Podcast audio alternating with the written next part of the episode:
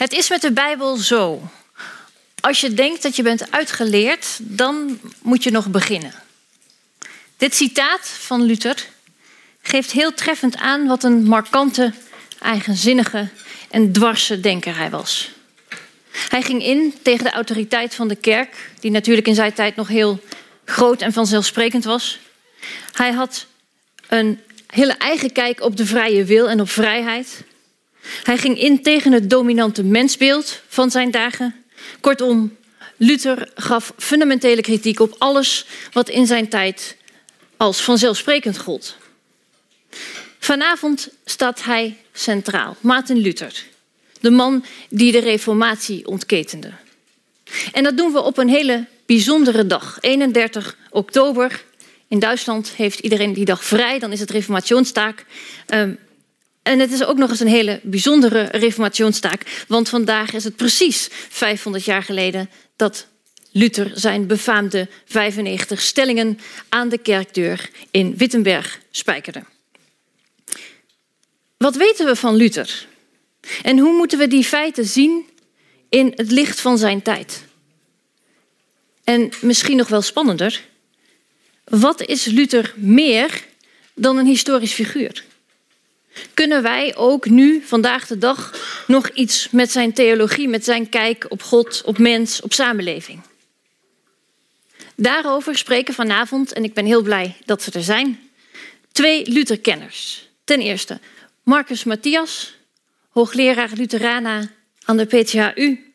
Ehm, hij is eh, redacteur en mede-auteur van dit boek, Martin Luther, Theologische Antropologie. En het is het eerste band van een, van een reeks van drie delen. Uh, dat gaat verschijnen bij Damon. Dit is er natuurlijk allemaal de volgende twee. Die komen nog, heb ik me laten vertellen. Um, en voor het eerst is hiermee al het werk van Luther... dat oorspronkelijk in het Latijn uh, was geschreven, ook in het Nederlands vertaald. Onze tweede spreker is Herman Westering, filosoof aan de Radboud Universiteit. En naast zijn boek uh, Gesprekken aan tafel, tafelredes van Maarten Luther, publiceert hij over psychoanalyse, religie en spiritualiteit. En over de opzet van de avond heb ik een prachtige dia, geloof ik. Ja, heb ik. Um, zo dadelijk begint Marcus Matthias met een korte inleiding van 15 minuten ongeveer over het leven en de biografie van de mens Luther. Um, daarna volgt een wat langere lezing door Herman Westerink over de theologie van Maarten Luther. Daarna is het ongeveer half negen. En dan zal ik met beide sprekers in gesprek gaan, waarin ik vooral ga proberen om het denken van Maarten Luther naar onze tijd te trekken. Wat kunnen wij nou eigenlijk nog leren van deze eigenzinnige, maar ook best wel moeilijke uh, theoloog? En natuurlijk is daarbij ook veel ruimte voor uw eigen vragen. Mijn naam is Lisbeth Jansen. Ik ben programmamaker bij Radboud Reflect. Ik vind het heel leuk dat jullie met zoveel zijn gekomen vanavond. Ik wens jullie allemaal een hele mooie avond en geef graag het woord aan Marcus Matthias.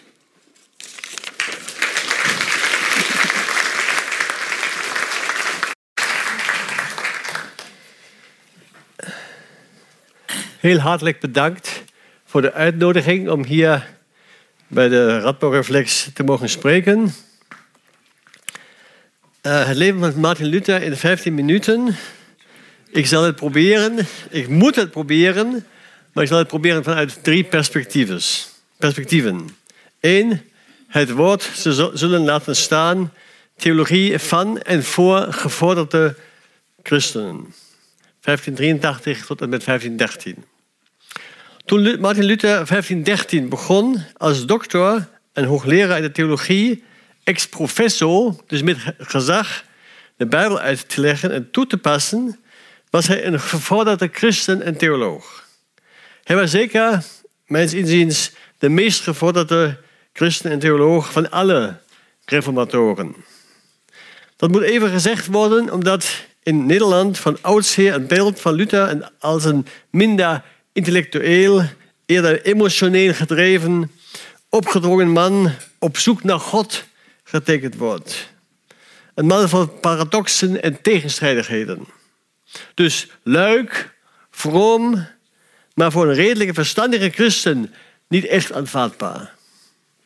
Daarom was nog de voltooiing van de reformatie tot Calvijn nodig. Waardoor alles netjes op een rij gezet werd en alle tegenstrijdigheden in een systematisch passend verhaal opgelost werden. 1513 was Luther 30 jaar oud en hij had toen heel veel in huis. Hij was op verschillende Latijnscholen, eerst in Mansveld, vervolgens in Magdeburg aan de Doomschool en uiteindelijk in Eisenach aan de St. Georgenschool op een meer humanistieke manier opgeleid. Waar gaat het dan over? Vooral om een uitmuntende taalbeheersing. Met taalbeheersing bedoel ik niet slechts het kunnen praten in Duits en Latijn. Taalbeheersing betekent in Luthers geval zinnen, uitspraken in een zinsverband heel slim en keurig te kunnen analyseren. Als we met onze taal redeneren en dus ook de waarheid slechts kunnen benaderen met de taal, dan moet je heel keurig kijken wat de uitspraken behelzen en wat niet. Als Luther in zijn bekende reformatielied Een vaste burcht is onze God dicht, het woord ze zullen laten staan, dan wordt dat meestal als aanval op de zwermers gezien. Münster, Karlstadt. Dat zou kunnen. Maar het geldt niet minder ten opzichte van zijn grote theologische tegenstanders, zoals Latimus in Leuven of Erasmus van Rotterdam, um, waarvan wij ook twee teksten in, dit, uh, in die uitgave presenteren. Luther heeft om de woorden van de Bijbel gestreden, echt gestreden, wetenschappelijk gestreden. Welk uitleg is logisch, aanvaardbaar? Te weten, welk komt overeen met de eenvoudige en gewone betekenis van de woorden en de zinnen?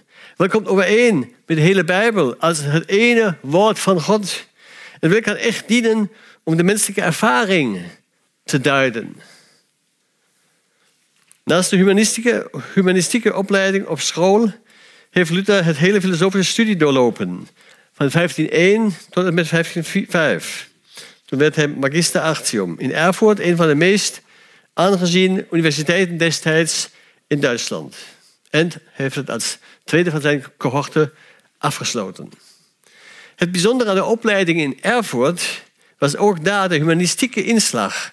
Dat men toen begon Aristoteles niet via leerboeken, zoals we het vandaag, nog helaas doen, maar zijn eigen teksten als geheel, weliswaar in het Latijn, te bestuderen. Als monnik vanaf 1505 heeft Luther ook theologie gestudeerd in alle gewone academische scholingsboeken, met alle gewone academische scholingsboeken, maar hij heeft ook weer theologen met zijn eigen geschriften gelezen. Vervolgens heeft Luther ook nog de reguliere stappen doorlopen om gepromoveerd te worden. Totdat hij door, tot dokter in de theologie 1512 gepromoveerd werd, heeft hij ook filosofische les gegeven over Aristoteles' Nicomachische ethiek. Dus over het verwerven van een ethische habitus. Wat moet je doen om een goede mens te worden? Eén ding is zeker, mijns inziens. Als iemand iets van theologie verstond en van filosofie, van middeleeuwse filosofie, dan was dat Luther. Maar daarvoor zou je inderdaad zijn academische werken in het Latijn of in de nieuwe tweetalige uitgave moeten lezen. En ook al de kanttekeningen van Luther in de boeken van het toenmalige Augustinerklooster en van de toenmalige Universiteitsbibliotheek van Wittenberg opzoeken. Zo zegt Luther 1522 al van zichzelf, zeker terecht en ook zeker met een zekere trots. Ik meen dus dat ook mijn oordeel in dit soort theologisch-filosofische zaken niet zo heel primitief is. Ik ben erin opgeleid. Heb me gemeten aan de geesten van mijn geest, van mijn meest geleerde generatiegenoten. Heb de beste geschriften van deze soort bestudeerd. Ben in de Heilige Schrift minst ten dele onderricht. Daarbij bepaald ook op de proef gesteld, doordat ik de dingen van de geest moest doorleven. Inderdaad, er komt nog iets bij, naast die helemaal opleiding. Wat even zo belangrijk is en wat Luther hier ook zegt, op de proef gesteld, ook op de uh, doordat ik de dingen van de geest moest doorleven. Inderdaad, er komt nog. Uh, excuus. Luther heeft immers van 1517, 12 jaar. Voor 1517, 12 jaar in een klooster gezeten. Of beter gestaan. Niet in, in een rustig Benedictijnenklooster, maar in een stadsklooster van medikantenorde. De Augustijner Eremiten in Erfurt. De orde en de convent in Erfurt was niet slechts bekend voor haar theologische wetenschappelijke pretenties en prestaties, maar ook voor een bijzonder strikt monnikenleven. Dus Luther heeft de praktijk van een monnik meegemaakt, waarvan de kerk zei dat het mensenleven niet volkomener kan zijn dan in het leven van een monnik. Luther heeft in zijn eigen ervaring beproefd op de kerkelijke beloftes werken. Of het inderdaad mogelijk is hier en nu heilig te worden of heilig te leven. Niet uit eigen kracht, zeker, maar met al de genadegaven die de kerk haar gelovige kinderen ruimschoots uitdeelde. Anders gezegd, omdat Luther de katholieke leer in het monnikenleven echt serieus nam, heeft hij uit eigen ervaring geleerd dat het kerkelijk geloof geen geloof van verlossing was. Toen Luther vanaf 1513 als hoogleraar theologie beoefende, deed hij dat echt als wetenschap. Dus met al die, met al die bagage die hij in huis had. En hij deed dat als een gevorderde christen die het echt op de proef konden stellen. Een tussenopmerking dat theologie op die manier als wetenschap kan en moet beoefend worden, maakt het gesprek van meet af aan al moeilijk op de dag van vandaag. Want feitelijk zijn wij, zoals toen Erasmus van Rotterdam en vele theologen, waarschijnlijk allemaal sceptici, wat de theologie betreft. Kunnen wij echt ervan uitgaan dat de Bijbel meer is dan een boek van historische verhalen? Hechten wij echt belang aan de logica van teksten en argumenten? Of gaat het ons meer om fatsoenlijk resultaat van onze discussies? En uiteindelijk hebben wij echt vertrouwen in onze ervaringen. Vooral in de ervaring met, met onszelf. En hebben wij het lef om die mee te nemen in onze bevindingen en overwegingen.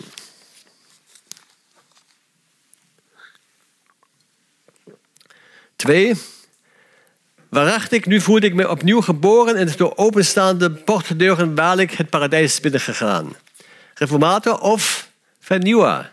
1513 tot en met 1521. 1513 begon Luther dus de Bijbel in college uit te leggen en toe te passen. Luther schreef later over deze tijd. Waarom ik u deze dingen vertel, waarde lezer, als u mijn kleine geschriften gaat lezen, moet u bedenken dat ik zo iemand ben geweest die als schrijvende en onderwijzende steeds verder is gekomen. Niet het type dat uit het niets plotseling de hoogste toppen bereikt. Reformatorische wending. Zonder iets van noeste arbeid, aanvechting of beproeving. Zo iemand die met één blik op de schrift restloos alle geest eruit in zich opneemt. Dus Luther heeft echt erom ge, gewerkt, heeft heel gewerkt om achter uh, het christelijk geloof te komen. Waartegen liep Luther bij zijn Bijbellezingen tegenaan? Ik zou zeggen, het grootste gebrek ligt bij vele godsdiensten dat ze nauw verbonden zijn met een soort gedragscode. Dat kunnen de religieuze wetten en, en gebruiken bepaalde vormen van kleding, ceremonieën of voorschriften zijn. Ze zijn steeds allemaal verbonden met een soort uitzicht op beloning of een straf in het hiernamaals. Maar dat kan ook een heel burgerlijke, redelijke ethiek of moraal zijn. De godsdienst moet dit soort van ethiek of gewenste gedrag waarborgen door ze af te leiden van Gods wil. Waarschijnlijk probeert elke godsdienst mensen op die manier vast te leggen op een soort ethiek, op een soort moraal. Mensen inziens heeft Luther terecht gezien dat deze feitelijke vereenzelviging van godsdienst en ethiek deze poging om in naam van God een bepaalde gedragscode door te zetten, het einde van de godsdienst en het ontkennen van de kern van het evangelie is. Deze kern ligt op zich, heel simpel. Gij zult de Heere uw God liefhebben uit geheel uw hart en uit geheel uw ziel en uit geheel uw verstand en uit geheel uw kracht. Dat is het grootste en eerste gebod. Het tweede is daaraan gelijk. Hebt uw naaste lief als uzelf. Een heel simpele uitspraak. En als we die zouden kunnen behartigen, de vrede op aarde. Maar hoe kan dat? En daar gaat het nu over de beproevingen die Luther beleefde. Hoe kan ik me echt opstellen van, voor God en mijn naaste, dus tegelijkertijd van mezelf afzien? Openstellen voor iemand betekent immers echt omwille van de andere iets doen. En niet om grond van wederkerigheid. Maar hoe kan ik van mezelf afzien als de kerk me tegelijkertijd altijd, met ogen op het hiernamaals, met de balans van mijn leven confronteert? Moet ik dan niet eerst ervoor zorg dragen dat ik met mijn balans terechtkom? Zodra ik die balans wil opmaken, zou ik moeten zien dat ik juist daardoor aan de tweede belangrijkste geboden, aan de kern van het evangelie, niet kan voldoen. Volledig open te staan voor God en mijn naaste en van mezelf af te zien. De liefde die hier van een leerling van Christus gevraagd wordt, volgens Luther, doet niet op rechtvaardige verhoudingen tussen God en mens of tussen mensen onderling.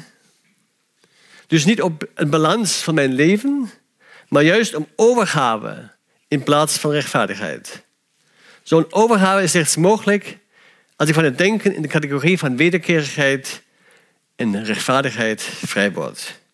Daarom is vrijheid het centrale begrip van Luthers theologie.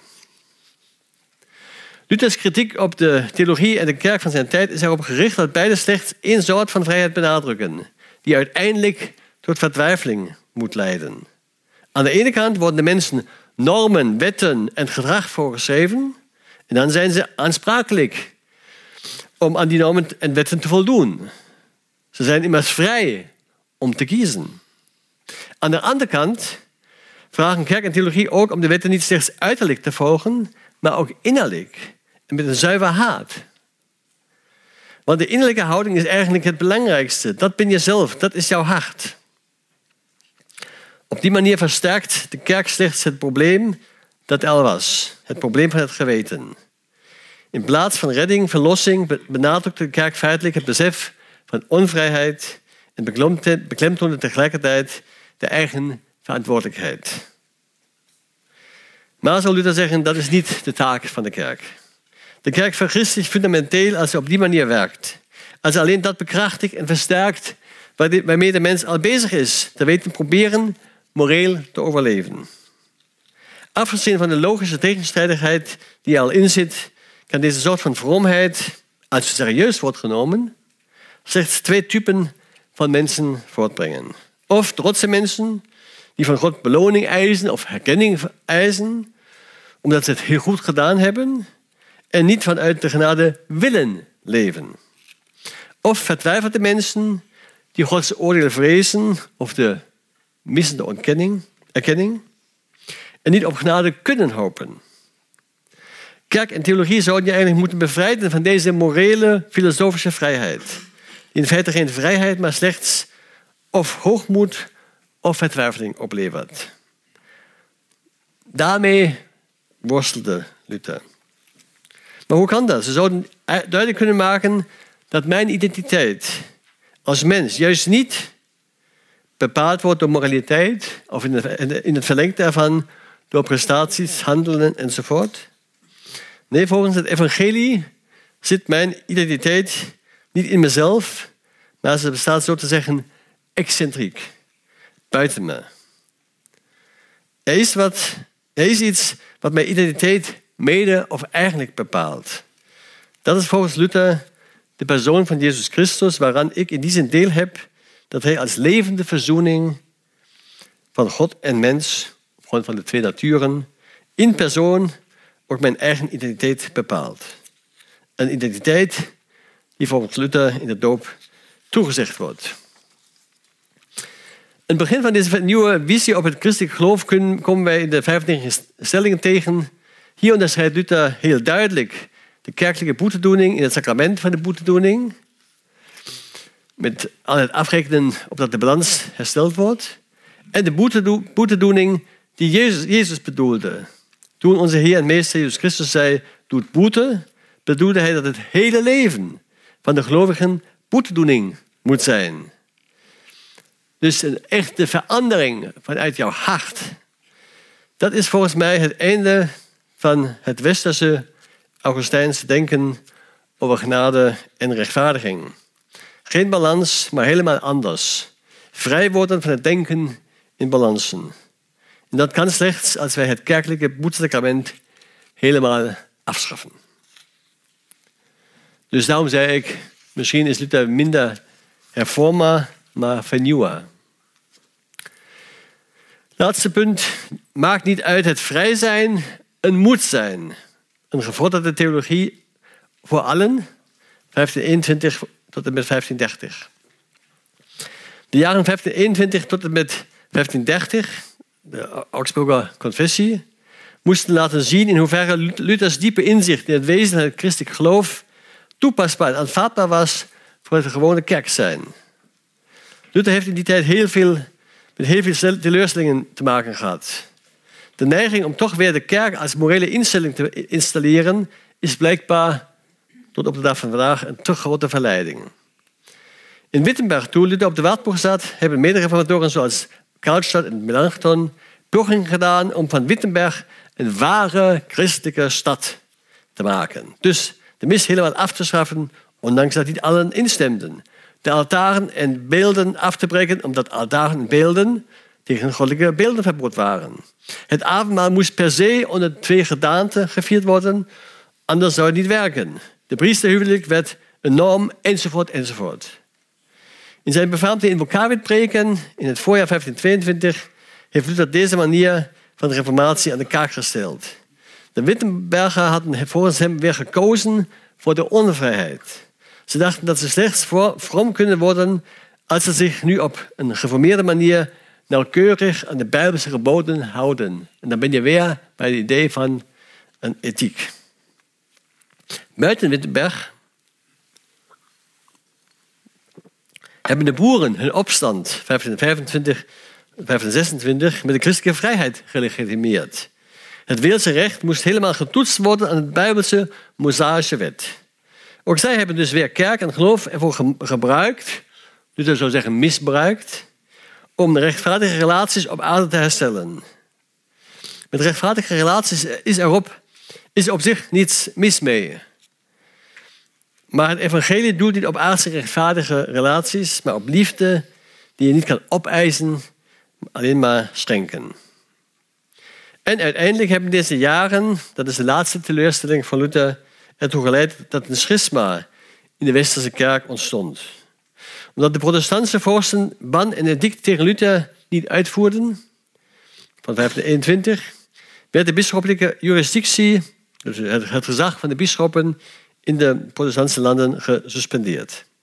Nu moesten de kerken of de gemeenten in de protestantse landen hun leven zelf organiseren predikanten aanstellen, de armzorg en de kerkelijke goederen organiseren, enzovoort, enzovoort. Ze begrepen zich tot nu toe nog, tot dan toe nog steeds als katholieke kerk. Een kerk die gewoon hervormd moest worden, een hervorming wat tegen de paus en het pausdom zich in hun ogen verzetten. Wie leeft nu in de continuïteit van de apostolische katholieke kerk? Als je de kerk moet definiëren als de overeenstemming met het Romeinse pausdom, zoals de kerkelijke leer dat zegt. Dus met een zichtbare en vaste instelling, dan zijn de protestanten schismatici.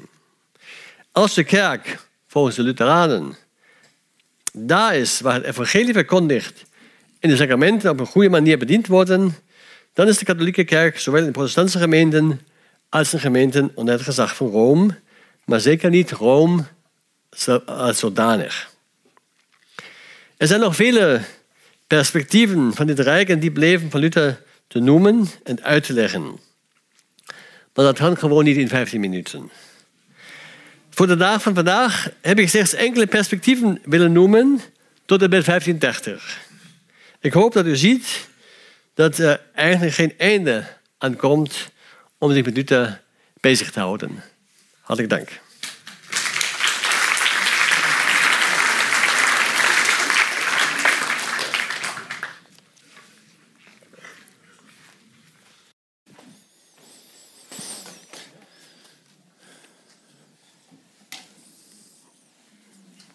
Als een biografie in een kwartier al een ondankbare taak is, dan is een hele theologie in een half uur zo mogelijk nog ondankbaarder.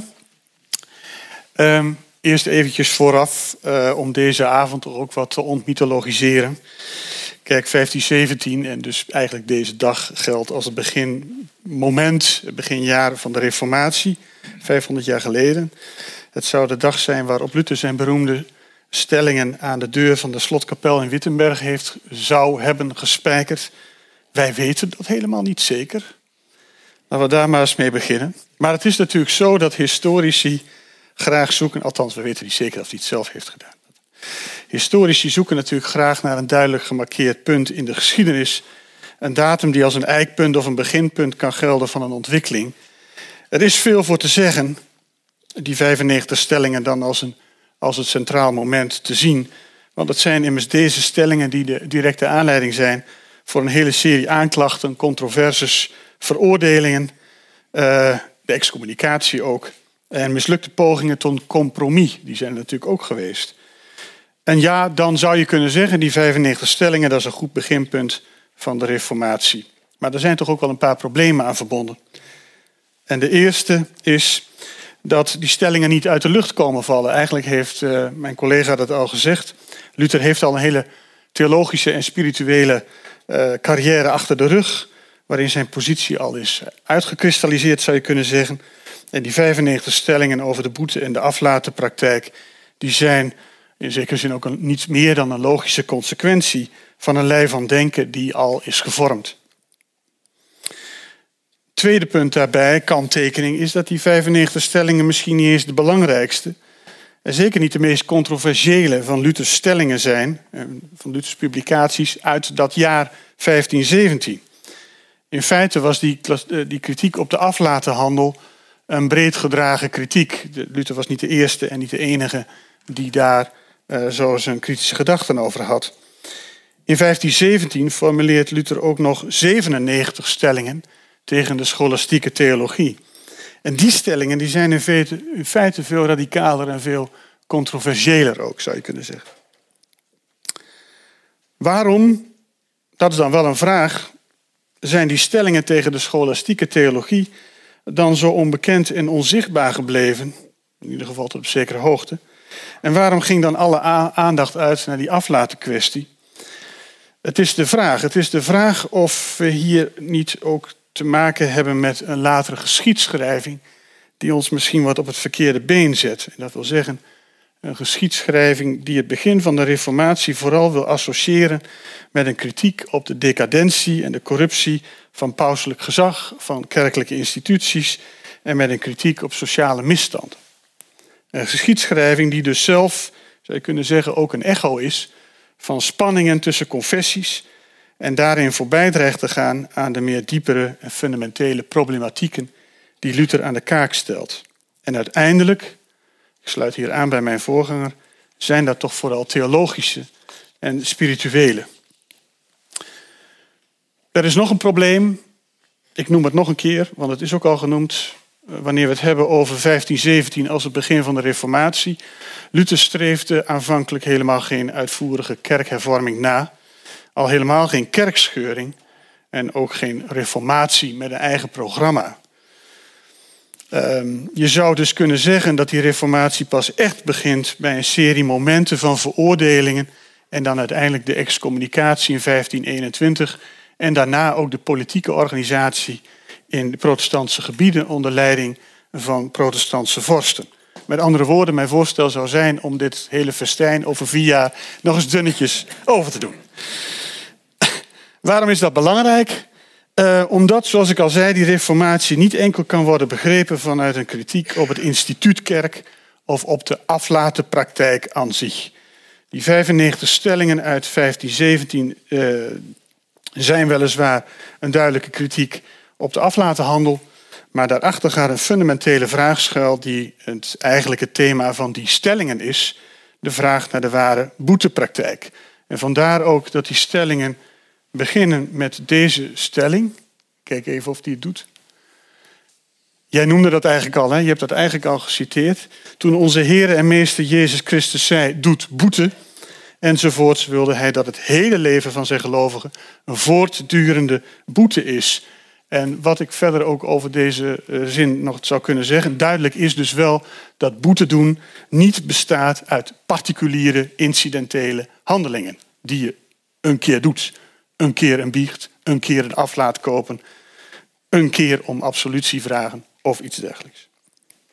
Een keer een straf ondergaan. De vraag is dan waarom die problematiek van de boete zo centraal en zo'n heikel thema is. En daarvoor moeten we een stap terug en kijken naar de theologische en de, de spirituele achtergronden van Luthers denken. En ik zal nu in de rest van mijn betoog, en ik hoop dat ik de tijd in de gaten kan houden, anders zeg ik doe dat zo.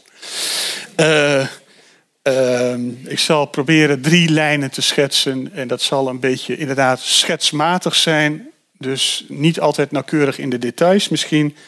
Sommige kenners onder u zullen dan kromme tenen krijgen, het zij zo. Uh, maar drie lijnen die denk ik beslissend zijn om uh, het werk van Luther te kunnen begrijpen en plaatsen. Uh, de eerste is de invloed van Augustinus. We mogen niet vergeten, het is ook al gezegd, dat Luther in een Augustijnenklooster in Erfurt was ingetreden. dus monnik geworden was, van daaruit theologie gaat studeren, om daarin ook carrière te maken, te promoveren en in de Bijbelexegese met name aan de slag te gaan. Augustinus dus en de eerste stellingen van die 97 stellingen uit 1517, die volgens mij veel belangrijker zijn, laten dat al wel mooi zien. Want de eerste stelling is, even kijken wat hier verschijnt. Zeggen dat Augustinus in zijn uitspraken tegen de ketters overdrijft, is zeggen dat hij bijna overal de onwaarheid gesproken heeft tegen de algemene opvatting. Dat is de eerste stelling, waarmee Luther dus duidelijk laat zien wat zijn positie is. Ik sta in de lijn van Augustinus. En ik neem Augustinus niet, laten we zeggen, met een slok water bij de whisky of bij wat ook maar, maar in zijn meest radicale zin. Uh, en zo uh, gaat hij ook verder op die uh, lijn. En je zult zien, die hele, als je dat leest, want die teksten staan ook in het boek wat uitgegeven is door Marcus Matthias. Als je die stellingen leest, je ziet hoe hij die eerste stellingen, de eerste helft van die stellingen, ook vooral vanuit Augustinus uh, definieert, uh, opbouwt en dan met name ook ingaat op uh, zondebegrip van Augustinus, het genadebegrip. De waarheid is daarom dat de mens die een slechte boom geworden is, niets dan slechte dingen kan willen en doen. Dat is een soort herformulering, zou je kunnen zeggen, van Augustinus' dictum non posse, non peccare. Het is niet, niet te kunnen, niet te zondigen. Het is onmogelijk niet te zondigen. En dat zondige dat zit hem hier niet in het doen van, uh, laten we zeggen, concrete slechte morele acten, maar het gaat hier om een dieper motief, laten we zeggen, wat achter al onze strevingen en al onze handelingen schuil gaat, namelijk dat wij volgens Luther in feite niet kunnen ontsnappen aan een egocentrisme. Als je dat in latere termen zou vertalen, uh, dan zou je zeggen, een mens handelt uit wat zeggen evolutionair biologen dan, zelfbehoud en soortbehoud. Zelfbehoud is misschien de beste uh, categorie om hier te gebruiken als, als, een, als een soort referentiepunt. Uh, calculatief altijd ingesteld op de eigen interesses, op het eigen overleven ook in een zekere zin. Maar in dat zelfbehoud komt de naam God niet voor. Het is een dwaling dat de wil zich van nature kan voegen naar het juiste voorschrift dus die wil van de mens, dit is ook Augustijnse theologie. De idee van de erfzonde, de idee van de zondeval uiteraard. Eh, de, menselijke, de menselijke wil, gecorrumpeerd, kan zich niet van nature voegen naar het juiste voorschrift, is niet van nature gericht het goede te doen, het ware, het ware te zoeken of het schone te ambiëren. Dat zou een hele mooie middeleeuwse filosofie zijn, denk ik. Paul zal het met mij eens zijn. Maar die lijn wordt bij Luther laten we zeggen, vanuit een Augustijnse logica afgekapt. Er is niets anders in de menselijke natuur dan de daad van begeerte tegen God. Die begeerte hier is dus niet de traditionele concupiscentia, de seksuele begeerte, als een soort lagere begeerte die je misschien toch nog onder controle kunt brengen van ofwel de wil ofwel de reden. Nee, de begeerte is hier het geheel van menselijke strevingen dat gericht is op de eigen interesses, de eigen belangen uh, en niet op God. Luthers denken over zonde, over de onvrijheid van de wil, de onmogelijkheid het goede te willen en te doen en de noodzaak van genade, dat gaat dus eigenlijk allemaal terug op een lectuur van Augustinus. Nu kun je natuurlijk met Augustinus heel veel kanten op. Zeker ook in Luthers tijd. Erasmus is al genoemd als een discussiepartner van uh, Luther, maar Erasmus was natuurlijk ook een Augustijn. En we weten natuurlijk ook daarvoor, grote theologen zoals Thomas van Aquino citeren uitgebreid Augustinus en brengen die in verband en in een zekere harmonie, tot op zekere hoogte, met bijvoorbeeld de filosofie van Aristoteles. Bij Luther zie je eigenlijk een breuk, zou je kunnen zeggen, met die scholastieke traditie. Uh, want bij Luther zie je dat een, uh, vanuit een heel streng Augustinisme Aristoteles radicaal wordt afgewezen. En de vraag is natuurlijk uh, met welke implicaties, welke implicaties dat heeft. Um, voor Luther is Aristoteles in de eerste plaats een ethicus. En is hij ook als ethicus gerecipieerd door de scholastische filosofen en theologen van de middeleeuwen. Aristoteles is dan degene die ervan uitgaat dat de mens in aanleg altijd op het goede, het hoogste goed, God, gericht is. Met behulp van de reden ook weet wat het goede is. En vervolgens kan die mens de oefening dat goede, het ware geluk, ware gelukzaligheid, ook op eigen kracht bewerkstelligen. De mens kent, wil en kan dus het goede. De mens heeft kennis van morele beginselen. Hij kan die kennis omzetten in een actief streven het goede te doen. En hij kan, uh, hij kan dat streven ook nog eens in concrete handelingen gestalte geven. En dat levert eigenlijk in de laatmiddeleeuwse moraaltheologie het volgende plaatje op. De mens kan met zijn verstand zijn vrije wil in de richting van het goede sturen. En deze wil kan vervolgens worden omgezet in een goede daad. En voor deze gerichtheid op het goede, dat willen we uiteindelijk zeggen op God, uh, beloont God de rechtvaardige mens, die dit pad zo aflegt, met eeuwig leven. En vanuit die gedachtegang is de aflatenhandel ook heel begrijpelijk, denk ik, of heel plausibel.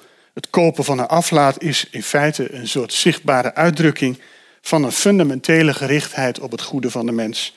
Een soort bevestiging van goede bedoelingen en goede intenties, die zich nu ook nog uiten in een goede daad. Luther verwoordt zijn kritiek op Aristoteles zo in die, uh, in die, in die disputatie tegen de stellingen tegen de scholastieke uh, filosofie. Minder hard dan elders, waar hij Aristoteles de hoer van Babylon noemt. Maar die heb ik er niet bij. ik hou het netjes vanavond. Wij worden geen rechtvaardigen door rechtvaardig te handelen, maar rechtvaardig gemaakt handelen wij rechtvaardig. Wij worden geen rechtvaardigen door rechtvaardig te handelen. Rechtvaardig in dit geval voor God. Hè? rechtvaardig gemaakt door God. Beloond, beloond tussen aanhalingstekens, met eeuwig leven. Rechtvaardig handelen kan namelijk iedereen. Dat is een deel van de kritiek op Aristoteles. Wie is Aristoteles? Dat is een Griekse heiden. Maar hij is ook een uitstekend ethicus. Dus geen enkel probleem, want ook een heiden of een ketter kan nog altijd uitstekend morele handelingen verrichten. Dat is geen probleem. Maar dat geeft al wel aan dat, het dus, dat we dus niet automatisch kunnen veronderstellen dat heidenen en ketter ook nog eens een keer gerechtvaardigd worden voor God, omdat ze toevallig goede werken doen. Bijna de hele ethica van Aristoteles is zeer slecht en vijandig tegenover de genade. Waarom? Waarom dat punt van die genade? Het is een Augustijns punt natuurlijk, maar waarom wordt dat hier zo naar voren geschoven. Omdat je zou in zekere zin kunnen zeggen, als je de logica hebt dat God rechtvaardige handelingen van mensen beloont, dat natuurlijk nauwelijks nog genade genoemd kan worden. Is simpelweg een soort formele afhandeling, een soort procedure die gevolgd wordt. Uh, dat noemen we niet meer echt genade, zou je kunnen zeggen. Genade heeft nog iets, uh, iets, iets, iets, iets extra's. Iets, daar komt een soort wilsact bij, een soort particuliere act van Gods kant. Uh, maar hier uh, de morele act en dan een beloning die daarop volgt. Uh, ja, waarom zou je daar nog over genade spreken? Uh, het is een dwaling te zeggen zonder Aristoteles wordt men geen theoloog. Integendeel, niemand wordt een theoloog als hij dat niet wordt zonder Aristoteles. Paul, eat your heart out, zou ik zeggen. Uh, geen goede boodschap voor katholieke theologen in dit geval. Maar wat Luther hier doet in feite is, uh, laten we zeggen, toch heel duidelijk. Dat is denk ik het belangrijkste van deze uitspraak. En heel duidelijk een, een, laten we zeggen, de domeinen onderscheiden. Dat is op zichzelf ook niet zo nieuw, maar Luther doet het wel heel radicaal. Dat van het geloofsleven en de moraal als twee verschillende terreinen. En dat van de theologie en de filosofie. Filosofie inclusief de ethiek als twee verschillende domeinen. Let wel, de theoloog kan best zonder Aristoteles, maar wij niet. De pedagoog bijvoorbeeld ook niet. En de staat ook niet. Ondanks de scherpe kritiek van Luther op Aristoteles vanuit een theologisch perspectief, zal Luther ook regelmatig stellen dat Aristoteles buitengewoon nuttig is waar het gaat om de organisatie van de samenleving en de opvoeding van mensen tot deugdzame burgers. Dat is een ander domein, hè? maar daar heeft Aristoteles natuurlijk wel zijn functie. Dus Luther kan zeggen, Aristoteles is de antichrist, want hij heeft niks met geloofsleven, de theologie enzovoort te maken en hij is bovendien nog een heiden ook. Maar tegelijkertijd is hij bijzonder nuttig waar het gaat om de oefening van deugden en om de organisatie van de samenleving en, van, uh, en voor de opvoeding van, van jeugd en, en volwassenen. Dus het, het veld van de inoefening in de deugd ligt bij Luther buiten het domein van het geloofsleven. Iedere samenleving, christelijk of heidens, vraagt om deugdzaam gedrag en morele regels waar mensen zich aan houden. En dat, kan ook. Aristoteles is daarvoor een prima gids. En ik denk dat het hier ook wel belangrijk is om te bedenken de bredere context van de tijd van Luther. We zitten in de tijd van de Renaissance. De klassieken en dus in zekere zin ook de heidenen worden herontdekt als een belangrijke bron van de eigen cultuur. Maar we zitten ook in de tijd van de ontdekking van de wereld, van de nieuwe wereld. De volkeren, andere culturen, met, de merkwaardige, uh, met de merkwaardige, het merkwaardige nieuwe inzicht dat die andere culturen inderdaad volwaardige culturen zijn. Dus in Latijns-Amerika en Midden-Amerika, je hebt culturen waar, die nog nooit in aanraking zijn geweest met het christendom, maar die wel uh, een vreedzame uh, samenleving hebben waar moreel deugdzame mensen wonen. En de vraag is dan toch, hoe kan dat? Nou, dat kan bijvoorbeeld door te zeggen, dat heeft niks met religie te maken. Dat domein. Eigenlijk zie je dat bij Luther in een zekere zin dus ook anticipeert op dit soort uh, zaken die in een bredere context uh, gebeuren. Luther trekt dus de domeinen uiteen, die van geloof en die van deugd. En dat krijgt bij hem, denk ik, met name formeel ook gestalte in de leer van de twee regimenten of de twee rijken. En ook hier grijpt Luther terug op Augustinus. Augustinus had een onderscheid gemaakt tussen een aardsrijk, waarin het leven en het handelen van mensen wordt bepaald door egocentrische zelfliefde en de noodzaak van aanpassing aan een sociaal leven en een sociale omgeving. Uh, enerzijds en een hemelsrijk waarin het christelijk leven floreert en het doen en laten bepaald wordt door de liefde, van, uh, God, de liefde voor God. En die twee rijken zijn formeel strikt gescheiden, zou je kunnen zeggen, maar ze zijn in de praktijk vermengd. De gelovige participeert in beide. Bij Luther zou je kunnen zeggen, heet dat dan in die beroemde formule simul justus et peccator, gelijktijdig gerechtvaardig en zondaar. Daar zit al dat element in van het participeren in twee verschillende situaties vanuit verschillende posities. Die idee van het participeren in twee rijken wordt dus door Luther van, van Augustinus overgenomen en krijgt dan de vorm dat de gelovige gehoorzaam en onderworpen is aan de vorst of de overheid die als taak heeft de onderlinge vreedzame coexistentie te garanderen. En tegelijkertijd staat die gelovige voor God oriënteert hij zich aan Gods wil en vindt daarin ook de vrijheid zich kritisch te verhouden tot die overheid. Althans in principe, want die kwestie van die boerenopstand is al kort gememoreerd. Die boeren die, die laten we zeggen, verwijzen naar Luther en zeggen... Uh, Luther, jij hebt ons toch, uh, laten we zeggen, de argumenten gegeven om in opstand te komen tegen de vorst. vanuit een religieus principe. Jij moet ons nu toch ook steunen? En dan zegt Luther, nou nee, dat doe ik toch liever niet, want er is nog een hoger belang, gek genoeg. En dat is toch wel dat de onderlinge vrede en rust in de samenleving wordt gegarandeerd. En dat de zaak hier niet in chaos verzinkt. En dat eh, de orde blijft gehandhaafd. Maar je zult zien bij Luther altijd weer dat die spanning blijft bestaan. Dat was die, ja. Ehm, even kijken, ben ik al voorbij deze? Ah nee, oké. Deze had ik zelf niet opgeschreven, maar ik ga even verder. Deze.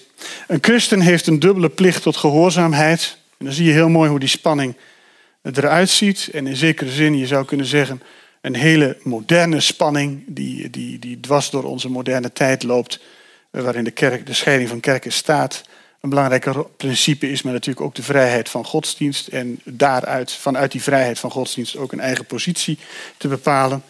Een christen heeft een dubbele plicht tot gehoorzaamheid tegenover God en tegenover zijn vorst. Van die dubbele gehoorzaamheid wordt hij alleen ontslagen als de vorst een bevel geeft dat tegen God ingaat. Want dan moeten we God meer gehoorzamen dan de mens. Dit is wel de latere Luther van na de boerenopstanden. Waarbij je dus nog altijd wel ziet dat dilemma blijft bestaan. Die gehoorzaamheid aan die vorst is ook niet absoluut. Want als er een moreel dilemma ontstaat in die plicht tot gehoorzaamheid aan, aan de een of de ander, dan is de gehoorzaamheid aan God toch nog altijd het hogere principe. Wat niets anders betekent dan dat je vanuit de gehoorzaamheid aan God ook in verzet kunt komen of protest kunt aantekenen tegen de vorst, de staat, seculiere overheid in onze tijd. Uh, een belangrijk punt, denk ik, omdat dit een van de punten is waar, uh, waar we denk ik in onze tijd nog altijd mee worstelen met deze problematiek van uh, de scheiding van kerk en staat en tegelijkertijd ook de godsdienstvrijheid die mensen ook het mogelijk maakt om inderdaad vanuit die godsdienstvrijheid een, positie, een kritische positie in te nemen ten opzichte van de samenleving. Oké. Augustinus is, dit lig ik op schema, Lisbeth. Augustinus is dus een autoriteit. En daarmee kan Luther positie kiezen tegen Aristoteles en ook een groot deel van de scholastieke traditie. Een andere belangrijke invloed is die van het middeleeuwse nominalisme. Ehm, ik wil daar niet te veel in detail gaan, want dat is een moeilijke kwestie en daar kunnen anderen een beter college over geven dan ik. Luther staat niet in de traditie van een theologie waarin het primaat ligt bij de reden en bij de gedachte dat het goede en het goddelijke minstens tot op zekere hoogte met behulp van die reden gekend kunnen worden. Luther staat in een traditie waarin het primaat ligt bij de wil. Meer concreet, de idee van Gods absoluut soevereine vrije wil. Uh, een van de beroemdste teksten van Luther is die uh, over de geknechte of slaafse wil. De, tekst, de beroemde tekst tegen Erasmus.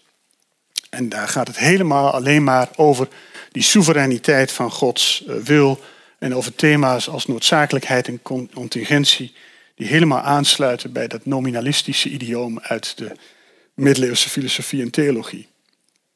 Gods absoluut vrije wil, een soevereine wil, een wil die niet gebonden is aan wat uit menselijk oogpunt logisch, redelijk, vanzelfsprekend of rechtvaardig zou zijn. De invloed van dat gedachtegoed zien we terug bij Luther in onder andere de idee dat God zijn wil niet op geen enkele wijze laat bepalen door wat vanuit menselijk oogpunt denkbaar en voorstelbaar is. En zeker ook niet door menselijk handelen. Dus hier vinden we een belangrijk punt, eh, een belangrijk antwoord op die vraag waarom is die, die boetekwestie zo belangrijk en waarom is die aflatenkwestie zo belangrijk.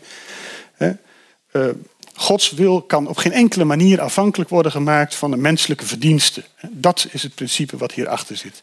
Zou dat het geval zijn, dan zou God niet langer soeverein uh, zijn in zijn vrije wil. Uh, vanuit die achtergrond hè, is het dus ook begrijpelijk waarom Luther de idee afwijst dat God een deugdzaam leven beloont. Nee, zegt Luther, er is geen sprake van beloning, want dan is Gods handelen afhankelijk van onze verdiensten en onze goede werken. En dat is onverenigbaar met Gods wezen zelf. En daarmee komen we bij Luthers uh, godsbegrip. Ik Ik zei al, met het primaat op Gods absolute soevereine wil, komt de nadruk ook te liggen op God als een, als een impotentie op zijn minst. Duistere en grillige macht die doet wat hij wil en die precies daarom principieel ook ondoorgrondelijk en onkenbaar is. Althans, je zou kunnen zeggen, dat is het probleem, een soort erfenis vanuit die middeleeuwse filosofie en theologie, waar Luther mee opgezadeld zit, zou je kunnen zeggen, en die in zekere zin ook om articulatie vraagt, dat doet Luther ook, maar ook om een soort oplossing. Een van de, van de citaten die ik altijd wel sprekend vind, het komt uit een van zijn, van zijn vroege colleges over de Romeinenbrief, die iets laat zien van die, van die verborgenheid, van die ondoorgrondelijkheid van God, van die onkenbaarheid, de, onmogelijkheid om er met je verstand bij te kunnen, is deze. Gods handelen verbergt zich onder geen andere gestalte als die van het tegendeel van onze voorstellings- en denkwijze. Het is wel een hele radicale formulering om te laten zien dat God onkenbaar is. En de logica van Gods handelen ook ondoorgrondelijk is. Het is in zekere zin ook een verdediging van de idee van genade. Ook een ondoorgrondelijk principe in een zekere zin. Het krijgt bij, bij Luther ook heel sterk een spirituele, uh, laten we zeggen, dimensie, een existentiële dimensie, wanneer hij ook gaat zeggen dat wie de Bijbel leest, het Oude Testament, wordt heel sterk geconfronteerd met God als een straffende, zelfs een hatende, een jaloerse God.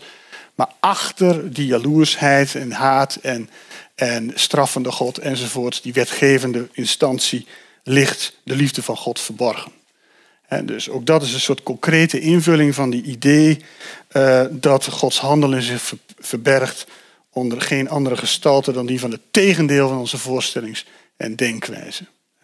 Achter de hel ligt de hemel, achter de haat ligt de liefde, achter, achter, het, achter de dood aan het kruis ligt het leven. En al dit soort figuren die je bij Luther vindt, die, die, uh, die, die, die, zijn een soort concretisering van, deze, van dit principe, zou ik het zeggen. Um, ik heb er nog eentje toegevoegd die ik niet op een sheet heb, maar die ik u niet wil onthouden, omdat ik dacht ik moet toch ook iets roepen uit die tekst over de geknechte wil. Um, er is één citaat, maar eventjes zonder dat hij op de, op de sheet staat.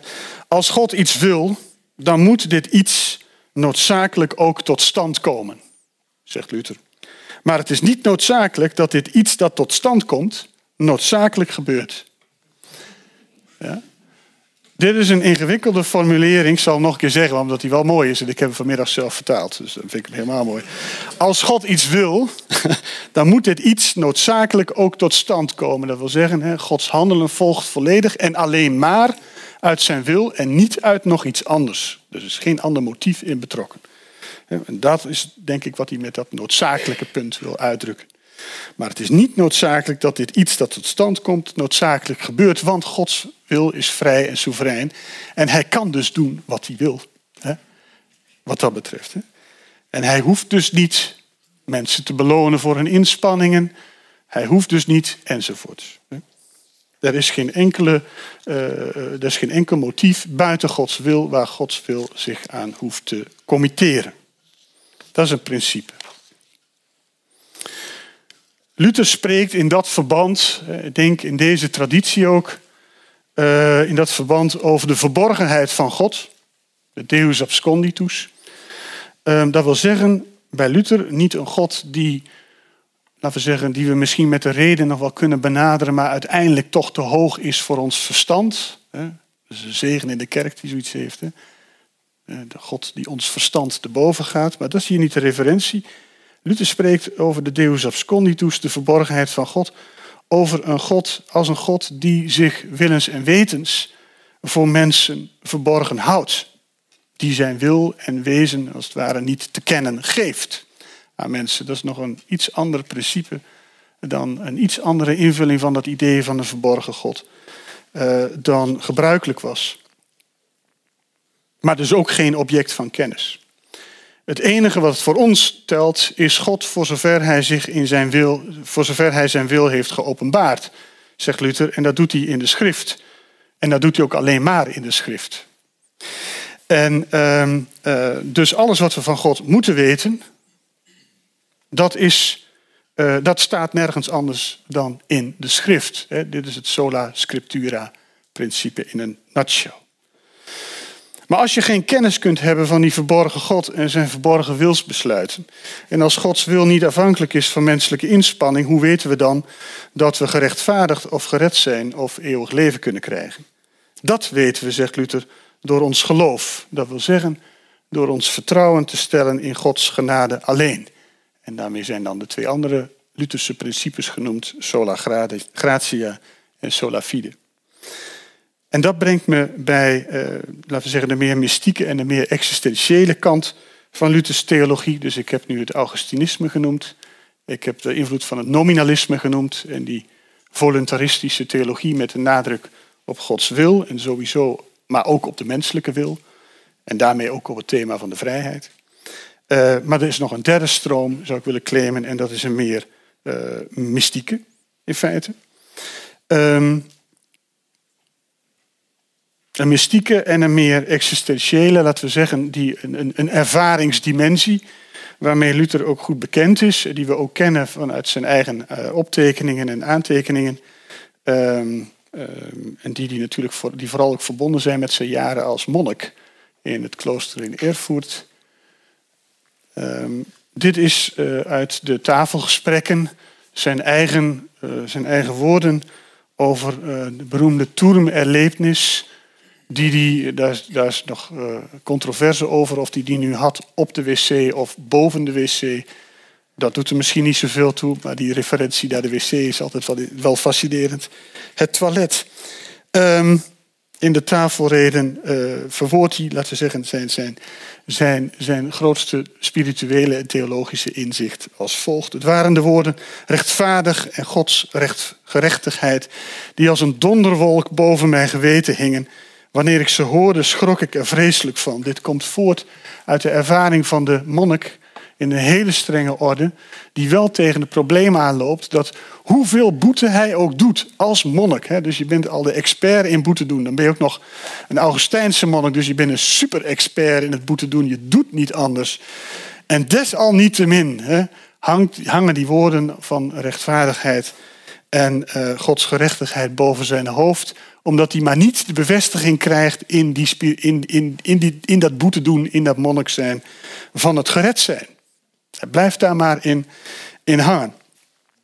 Want als God rechtvaardig is, zal hij zeker ook straffen. Zo is maar net.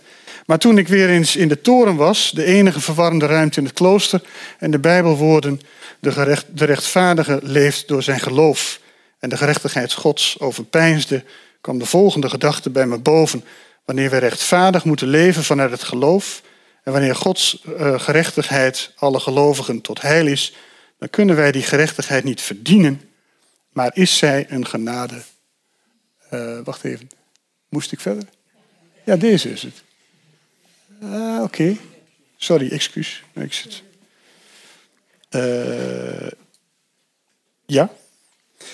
Uh, Wanneer wij rechtvaardig moeten leven vanuit het geloof en wanneer Gods uh, gerechtigheid alle gelovigen tot heil is, uh, dan kunnen wij die, die gerechtigheid niet verdienen, maar is zijn genade Gods.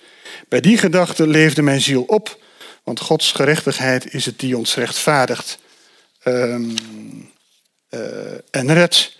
En zo werden die woorden mij lief. De Heilige Geest heeft mij in de toren op het toilet de schrift geopenbaard boven het toilet. Hoe komt een mens tot zulk geloof en vertrouwen? Luther vindt op dit punt aansluiting bij een mystieke traditie van navolging van Christus. Ja, ik, dat komt goed uit. Het is bij uitstek in het diepste zondebesef. Denk ook weer even aan het vorige citaat over tegen alle voorstellings- en denkwerelden in. Eh, denkwijzen in. Het is bij uitstek in het diepste zondebesef. Dat wil zeggen in het besef van de onvermijdelijkheid van eigenliefde en van egocentrische strevingen en van het totale gebrek aan vermogen om de eigen rechtvaardiging en verlossing te bewerkstelligen of te verdienen, ja zelfs maar om die te denken en te willen, dat we beseffen radicaal van God vervreemd en verlaten te zijn. Maar het is juist die verlatenheid en nietigheid die ons tegelijkertijd bij Christus brengt. Want was niet ook Christus van God verlaten aan het kruis? Mijn Heer, mijn Heer, waarom hebt u mij verlaten? En het is dus precies in die ervaring van verlatenheid en verlorenheid en onvermogen, en vooral ook van vertwijfeling, het werd al genoemd door de collega, dat we niet anders kunnen dan ons geloof en vertrouwen schenken aan God. Niet mijn wil, maar uw wil geschieden. Geloof staat daarom bij Luther in zekere zin altijd in een positieve relatie, en dat is toch wel vreemd, tot vertwijfeling en de ervaring van verlatenheid en van nietigheid. Dat zie je ook in zijn teksten weer terug wanneer hij hierover spreekt in termen van de aanvechtingen en de beproevingen. Wat Luther hier dus, zou je kunnen zeggen, introduceert, is niet alleen een geweldige opwaardering van het geloof ten opzichte van een traditie waarin het zeker weten eigenlijk veel belangrijker was. Het geloof in de beloften van het evangelie, maar ook die van een, een laten we zeggen, een geloof dat in zichzelf zeer conflictueus is. Een geloof dat heen en weer beweegt en geslingerd wordt tussen ervaringen van diepe vertwijfeling en wanhoop en van een rotsvast vertrouwen. Nog één citaat eh, daarbij.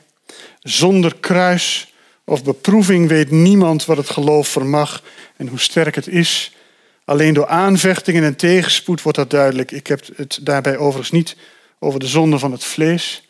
Ik heb er al iets over gezegd.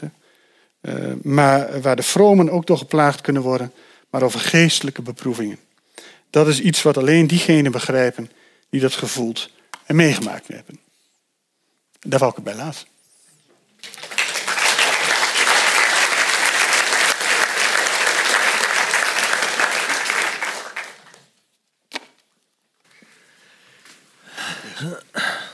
Ja, nemen jullie vast plaats? Ja.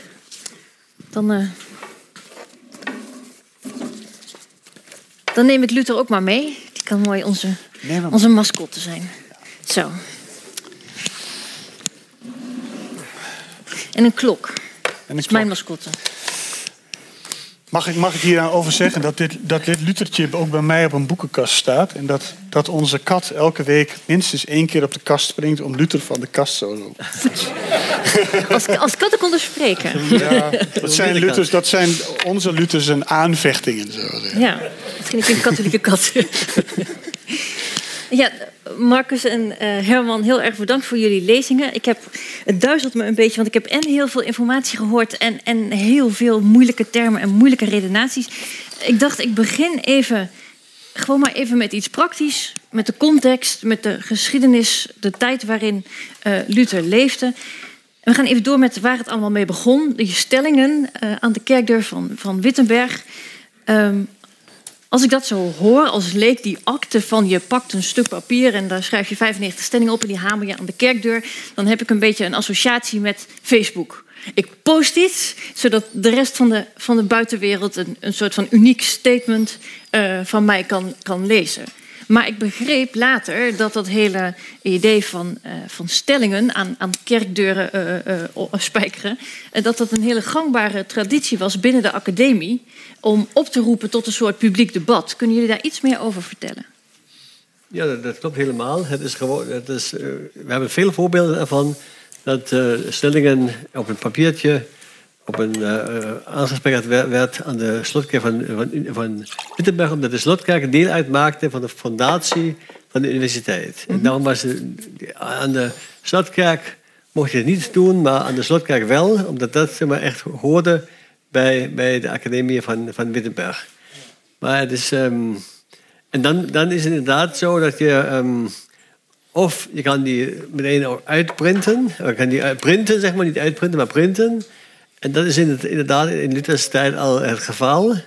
En dan kan je ook, zeg maar, omdat je meerdere printen van zo'n uh, één uh, voorlag kan maken, kan je ook meteen versturen. Mm -hmm. En dat is in verband met de, met de reformatiedag van vandaag, zou ik toch wel willen stellen dat echt vandaag, 500 jaar geleden, de reformatie begon, omdat, uh, omdat um, uh, inderdaad, zeg maar, de, de hele uh, aflaatkwestie was aanleiding voor de kerkscheuring. Wat ik eerder heb uitgelegd. Ja, op de aflaten gaan we daar nog even Ja, nee, maar, maar ik wil e-, even... Maar ja. Luther heeft op 31... Dat, dat zeg ik altijd. of het nu aangesproken is of niet, ik, ik geloof het ook niet. Maar op 31 oktober, dat is het fundamentele. Op 31 oktober heeft Luther een brief geschreven aan de aartsbisschop van Mainz, zijn, zijn, zijn verantwoordelijk voor de, voor de aflaat, en heeft daar die stellingen bijgelegd. Dus ik zou zeggen, op 31 oktober 1517 zijn ze met deze act gepubliceerd. En dat is dan toch wel ook een, een goede aanleiding om vandaag ook de reformatie ermee te beginnen. We laten het gewoon bij vandaag. We gaan niet Ja. over vier jaar. eh. Om er, maar om terug te komen op Facebook, Ja. dit is dus ook de dag dat we, dat we vieren dat, dat, dat, dat de moderne media en, en, het, en het gebruik daarvan, en ook het politieke en sociale gebruik daarvan, Mhm. ook 500 jaar bestaan. Oh ja. Is dat zo? Dus, nee, maar dit is, dit is het effect van de boekdrukkunst natuurlijk. Dat je nu ook de mogelijkheid krijgt... niet alleen om stellingen eh, eh, te verspreiden... maar natuurlijk ook andere teksten te verspreiden. En dat betekent ook dat die teksten een andere vorm gaan krijgen. Niet meer de grote eh, scholastieke traktaten... met kwestio's en eindeloze uitspinning spinsels... maar kortere traktaten, pamfletachtig... Ja. die natuurlijk ook de wereld ingeslingerd kunnen worden. Ja. In dat opzicht is dat de geboorte Twitter van of de moderne... La Lettre. Ja, in Ja. dat opzicht. Hè, de tafelredenen zijn een mooi voorbeeld. Hè. Dat zijn allemaal aforismen. Die, die, die slingen je de wereld in. En daar kun je iets mee. Hè. Dat zijn wandtegelwijsheidjes, spreuken. En dat, dat, dat is wel een nieuwe stijl van spreken natuurlijk. Ja, ja. oké, dus dan weten we nu van, eh, van de stellingen dat het een gangbare academische praktijk was, maar wel in een soort nieuwe vorm. Als we dan gaan kijken naar eh, de aflaat, want inderdaad, we associëren Luther altijd met zijn protest tegen de aflaten. Dan wil ik even niet, los van zijn theologie, dat komt straks. Hoe zat het nou precies in die tijd? Want je, de corruptie, kerkbelasting, aflaten, hoe, hoe werkte dat?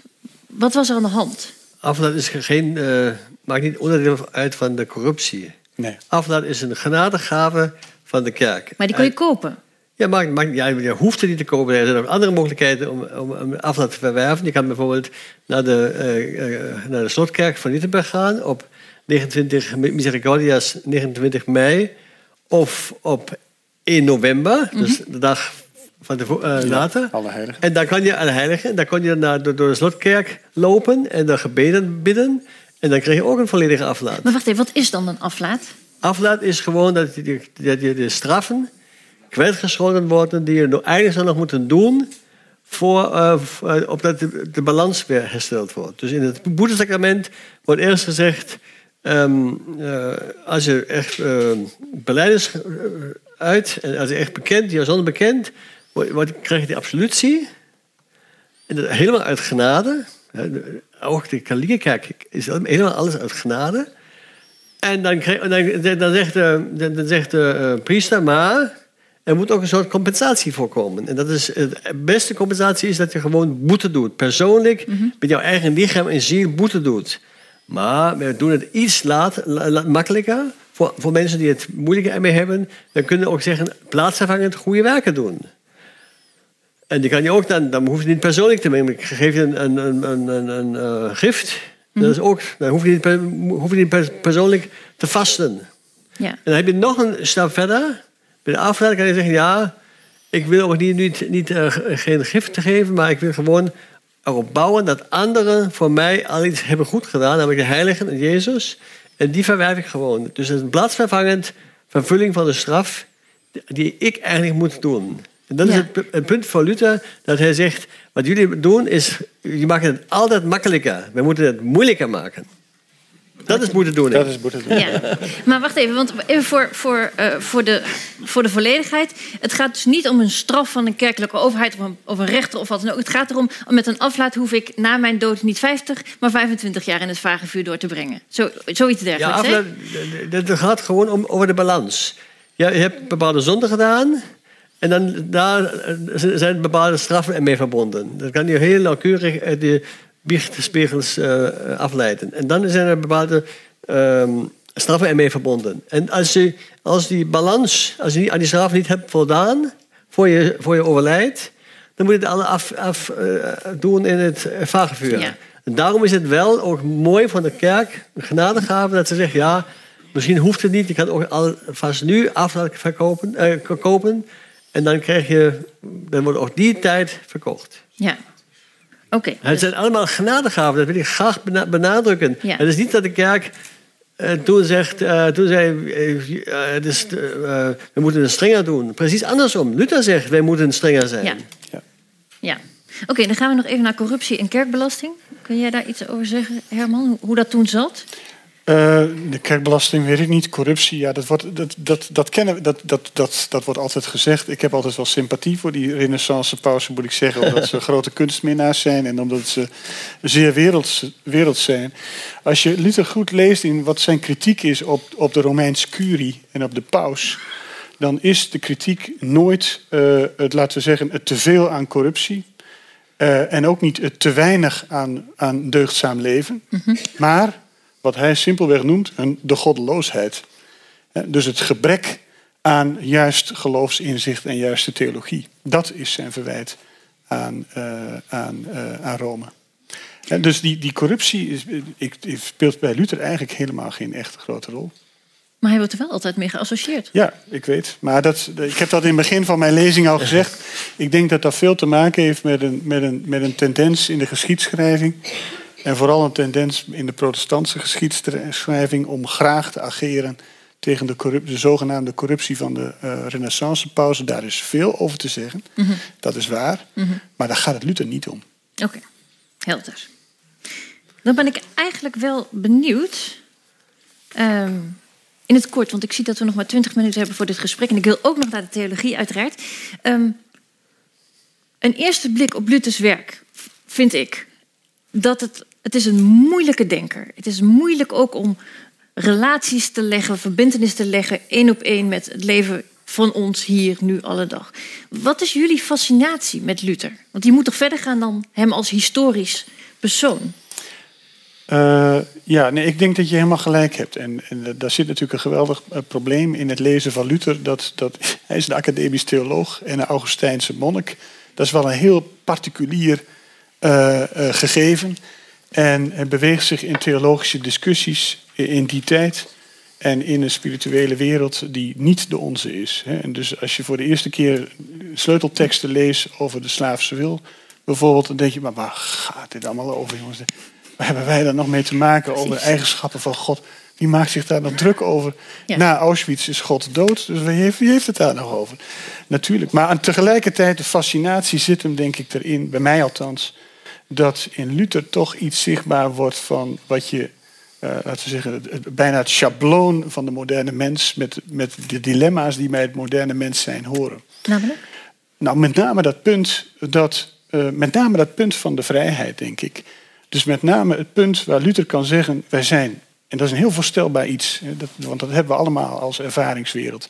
Wij zijn deel uh, van een geheel, van een sociale uh, netwerk van een samenleving waarin we een functie en een rol bekleden.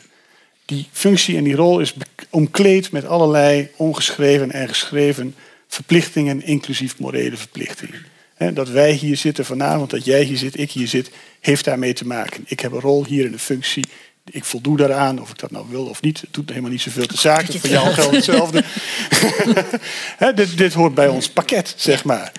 Maar wat bij Luther nou, in, en dat is op zichzelf daar kunnen we ons allemaal iets bij voorstellen. Wat Luther, denk ik, introduceert in een zekere zin. En daarin is hij een soort eerste moderne mens. Maar hij is niet de, eerste, niet de enige in zijn tijd. Is dat je ten opzichte van die functie en plaats die je hebt in de wereld ook kunt verhouden. En dat is vrijheid. Zeg het nog eens. Dat je je daartoe kunt verhouden. Tot? Tot die wereld waar je ook een functie of een rol bekleedt. En je kunt je dat daartoe, je daar niet mee samenvalt. Daar val je niet mee samen. En je kunt je daar kritisch toe verhouden. Dus ik kan zeggen, ik kan, hè, dus heel, heel banaal, ik kan zeggen, uh, ik, ik, ik weet dat ik deel ben van een universiteit, van de Radboud mhm. Universiteit. En ik, ik functioneer daarin, ik, doe, ik heb mijn rol. Ik, ik zit hier dus vanavond, ik hou dus een lezing over Luther. Ik had misschien nee kunnen zeggen, maar ik had moeten verwijzen naar andere verplichtingen om nee te kunnen zeggen. Dus ik ontsnap niet aan die logica. Maar ik kan tegelijkertijd ook wel iets vinden van deze universiteit. Ja. Bijvoorbeeld, ik vind het helemaal geen goede universiteit. Of ik vind het een topuniversiteit. Dat, dat, dat, laten we het midden. Dan, dan laten we het midden. Ja. Ik kan mij daartoe verhouden. Ja. En dat, die positie, ja. Dat is denk ik in een zekere zin nieuw. In ieder geval zeer uitgesproken bij Luther. Dat is de vrijheid. Ja. En, en, en dat is ook de vrijheid, laten we zeggen, van de moderne mens. Ja. Die zich kan verhouden tot de functies en rollen die hij heeft in een veld. En dat maakt jouw fascinatie En dat met vind ik uit. interessant, ja. Oké. Ja. En voor jou, Marcus? Ja, ik heb een poging gedaan om eh, het bijzondere vrijheidsbegrip van Luther naar voren te halen. En ik zou zeggen, eh, iets plakatief, dat ook de gereformeerde kerk bijvoorbeeld, de gereformeerde theologie, eigenlijk middeleeuwse eh, theologie heeft. Want het is zo dat ook daar eigenlijk voor de, voor, voor dat wij, wat- wij misdeden, dat daar ook een, een soort compensatie voor komt. En dat is de gerechtigheid van Christus. En die wordt ons toegekend via het geloof. Dat is een beetje kort door de bocht de geformeerde leer. Maar het is niets anders dan de aflaathandel. Of het boetesacrament. Daar is ook zo dat je eerst zegt, eh, ik, moet, eh, ik ben schuldig. En dan moet, moet ook er een recht gedaan worden. En dat, dan doe je het met aflaten. Ja, dus ook met verdiensten van iemand anders. In de geformeerde kerk zijn het alleen maar de verdiensten van Christus. In de katholieke kerk zijn het allemaal de verdiensten van de heiligen. Maar op zich, in het principe, is het helemaal hetzelfde. Eh, Als ik het even stellig mag eh, uitspreken.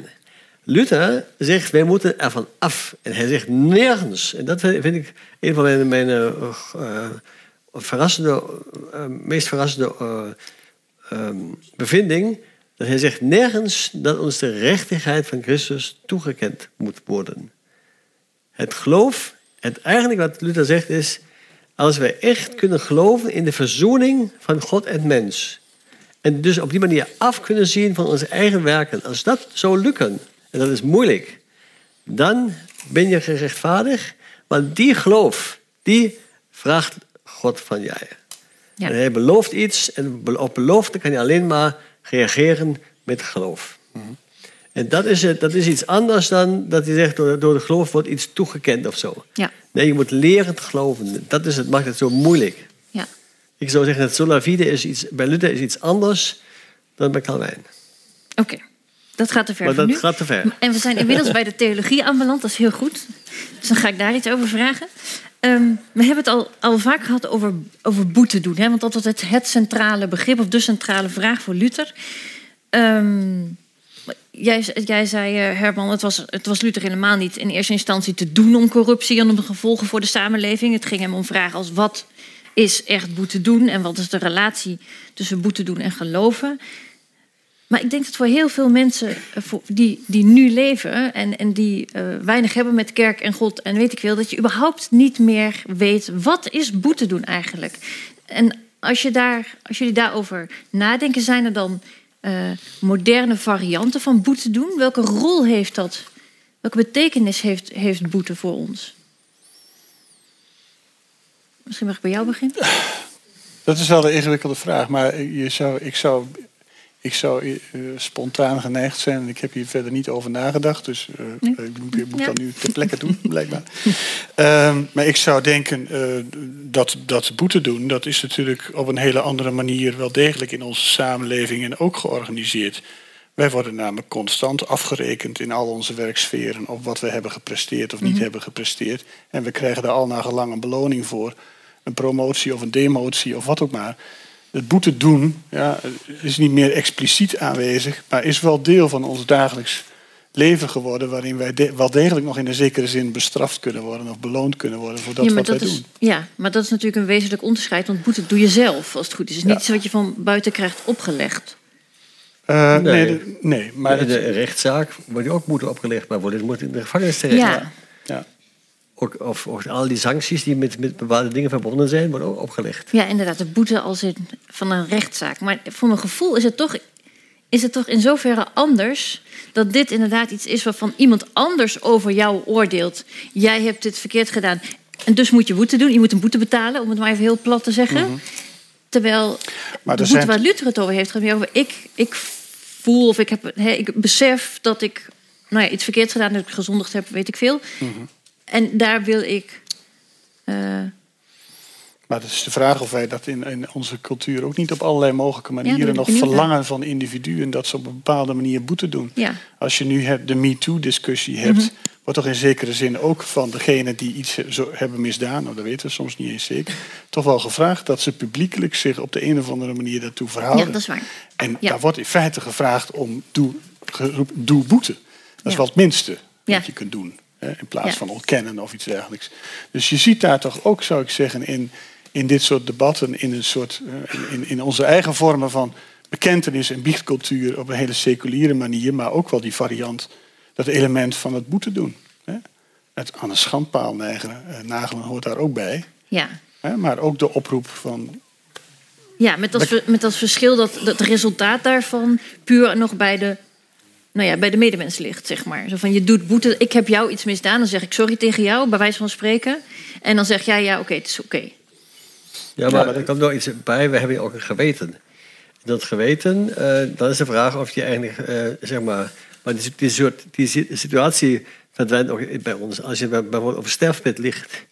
dan doe je dan met, die- met al die dingen die je misgedaan hebt... en die je goed gedaan hebt, komt ook een balans op. Dan voel je meteen ook dat je of... Ja, eigenlijk dat je tekort schiet. Ja. En dan is eigenlijk een, een, een- moet moet eigenlijk gevraagd worden: hoe kan ik nu boete doen? Hoe kan ik het goed doen, goed maken? Hè? En dus daar heb je Ja. ook, maar dat, ook dat is uiteraard niet meer zo eh, actueel, omdat wij gewoon onze stervenden verdoven. En dan, dan hebben we de vraag niet, we kunnen de vraag niet meer stellen. ja, dat is een goed punt. Ja. Eh, heb je daar ook... Nee, ik heb nu niet zo. Ik, eh, nee. Maar dus, als- met Ja. andere woorden, ook al gebruik je het woord niet, de Ja. vorm bestaat nog wel. Ja. Op allerlei mogelijke terreinen. Ja, maar misschien wel met een iets andere invulling. Oh ja, vast en zeker. Ja. Ja. Ja. Ja. Oké, dan wil ik het eigenlijk ook nog even met jullie hebben over eh, Luthers mensbeeld. Want in zijn tijd was er een vrij, althans theoretisch, een vrij positief mensbeeld. Men stelde dat de mens van nature goed is, of in ieder geval geneigd is het goede, te doen. En Luther eh, zegt, nou ja, dat is absoluut onzin. De mens is eigenlijk eh, in wezen heel erg egoïstisch en alleen maar gericht op zijn eigen belang. Ehm, ik begrijp niet zo goed hoe. Want dat, lijkt, dat eerste lijkt mij een heel eh, prettig, positief manier om naar mensen te kijken. Hoe kan het dat zo'n nou ja, wat negatiever mensbeeld als dat van Luther aansloeg? Wat, hoe kwam het dat mensen dachten: oh ja, inderdaad, nou misschien heb je gelijk. Ja, maar ik denk dat de crux niet zit in het, in het, in het, in het tegenoverplaatsen, elkaar plaatsen van hele positieve mensbeelden en hele negatieve. Maar meer, eh, ik denk dat Luther vooral, eh, laten we zeggen, eh,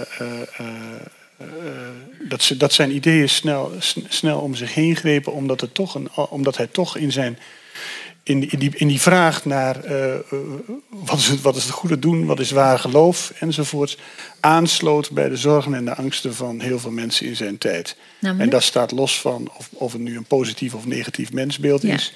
Maar eh, een, van, een van onze eigen grote historici, Johan Huizinga, heeft bijvoorbeeld uitgebreid geschreven over dat onbehagen in de late middeleeuwen. De obsessie met de dood, de angst voor de dood en voor, voor, voor, voor, voor, eh, voor, eh, voor de hel. Eh, bezorgdheid ook op, op sociaal niveau. De boerenopstanden in Duitsland zijn er ook een mooi voorbeeld van. Dat gebeurde ook bij herhaling. Eh, mensen die bezorgd zijn om hun eigen sociale positie.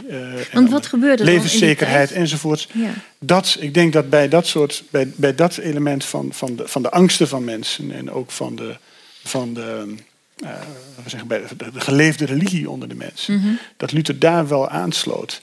Omdat hij in feite met een heel, met een heel, eh, met een heel simpele, in de zekere zin met een heel simpele oplossing kwam. Namelijk, het is genoeg om te geloven. Dus je hoeft geen religieuze expert te zijn. Je hoeft geen monnik te zijn. Je hoeft geen carrière in de kerk te maken. Nee. Het geloof, of de religie is niet beperkt door een bepaalde eh klerikale groep. Ja. Iedereen kan het en het Ja. is eigenlijk relatief eenvoudig. Ja. Want je hoeft alleen maar te geloven in God, in Ja. de belofte van het evangelie. Dat is wel een boodschap die wel aansluit Ja. bij mensen die ook geen toegang hebben tot die, tot, om, om, om, laten we zeggen, religieus expert te zijn, zoals Ja. een monnik dat is of een priester dat is. En die heb je nu zelf ook niet, en die heb je ook niet meer nodig. Nee. Je hebt die monnik en die priester in de zekere zin ook niet meer nodig. Ja. Eh, en daar zit natuurlijk, denk ik, een kracht. Ja. Hier, Ik zou, ja, ik zou mag- graag een tegenvraag willen stellen. Uh-huh. Als je naar de wereld kijkt, Ja. de hele wereld, zie je daar dat het, dat het goede overweegt of, of het achteruit gaat. Vind je dat de mensen dat het in de wereld beter, uh, grotendeels goed gaat, of vind je dat het in de wereld grotendeels slecht gaat? Ik doe maar, uh, ja, ik kan alles, uh, Turkije, Rusland. Ik noem maar al die bekende namen. vind, je dan, vind, je dan, vind je dan dat er maar ook buiten, buiten Europa vooral, dus ook in, in, waar mensen niet zo beschaafd werden door godsdiensten, vind je dat, dat je dan nog kan zeggen ik ervaar de mensen gewoon als goede mensen. Dan moet je altijd zeggen, ja, eigenlijk zijn het goede mensen, maar de omstandigheden hebben ze altijd boos gemaakt. Maar dat kan je niet waarmaken. De, de bevinding is, de meeste mensen zijn boos. Slecht, ja. ja. ja. Alleen maar als je een goede opleiding hebt genoten, zoals wij allemaal. Ja, ja, precies. Dan komt het iets, komt het iets beter. Nou ja, wat ik in ieder geval heel herkenbaar vind in wat Herman net zei over zeg maar, de tijd van Luther, dat is dat algemene onbehagen. En dat mensen, nou ja, dat vind ik, dat zie ik nu ook. Dat heel veel mensen toch een soort, er zijn allerlei angsten, er zijn allerlei vormen van, van, onbehagen met allerlei uh, aspecten in de samenleving die mensen niet, nou ja, misschien wel niet kunnen beheersen of niet kunnen, waar ze geen grip op hebben, waar, waar ze onzeker van worden. Is daar, zien jullie een, een overeenkomst tussen de samenleving van Luther en die van ons? Ik zie het in die zin dat voor, uh, we hadden het net over de Deus absconditus, Deus revelatus.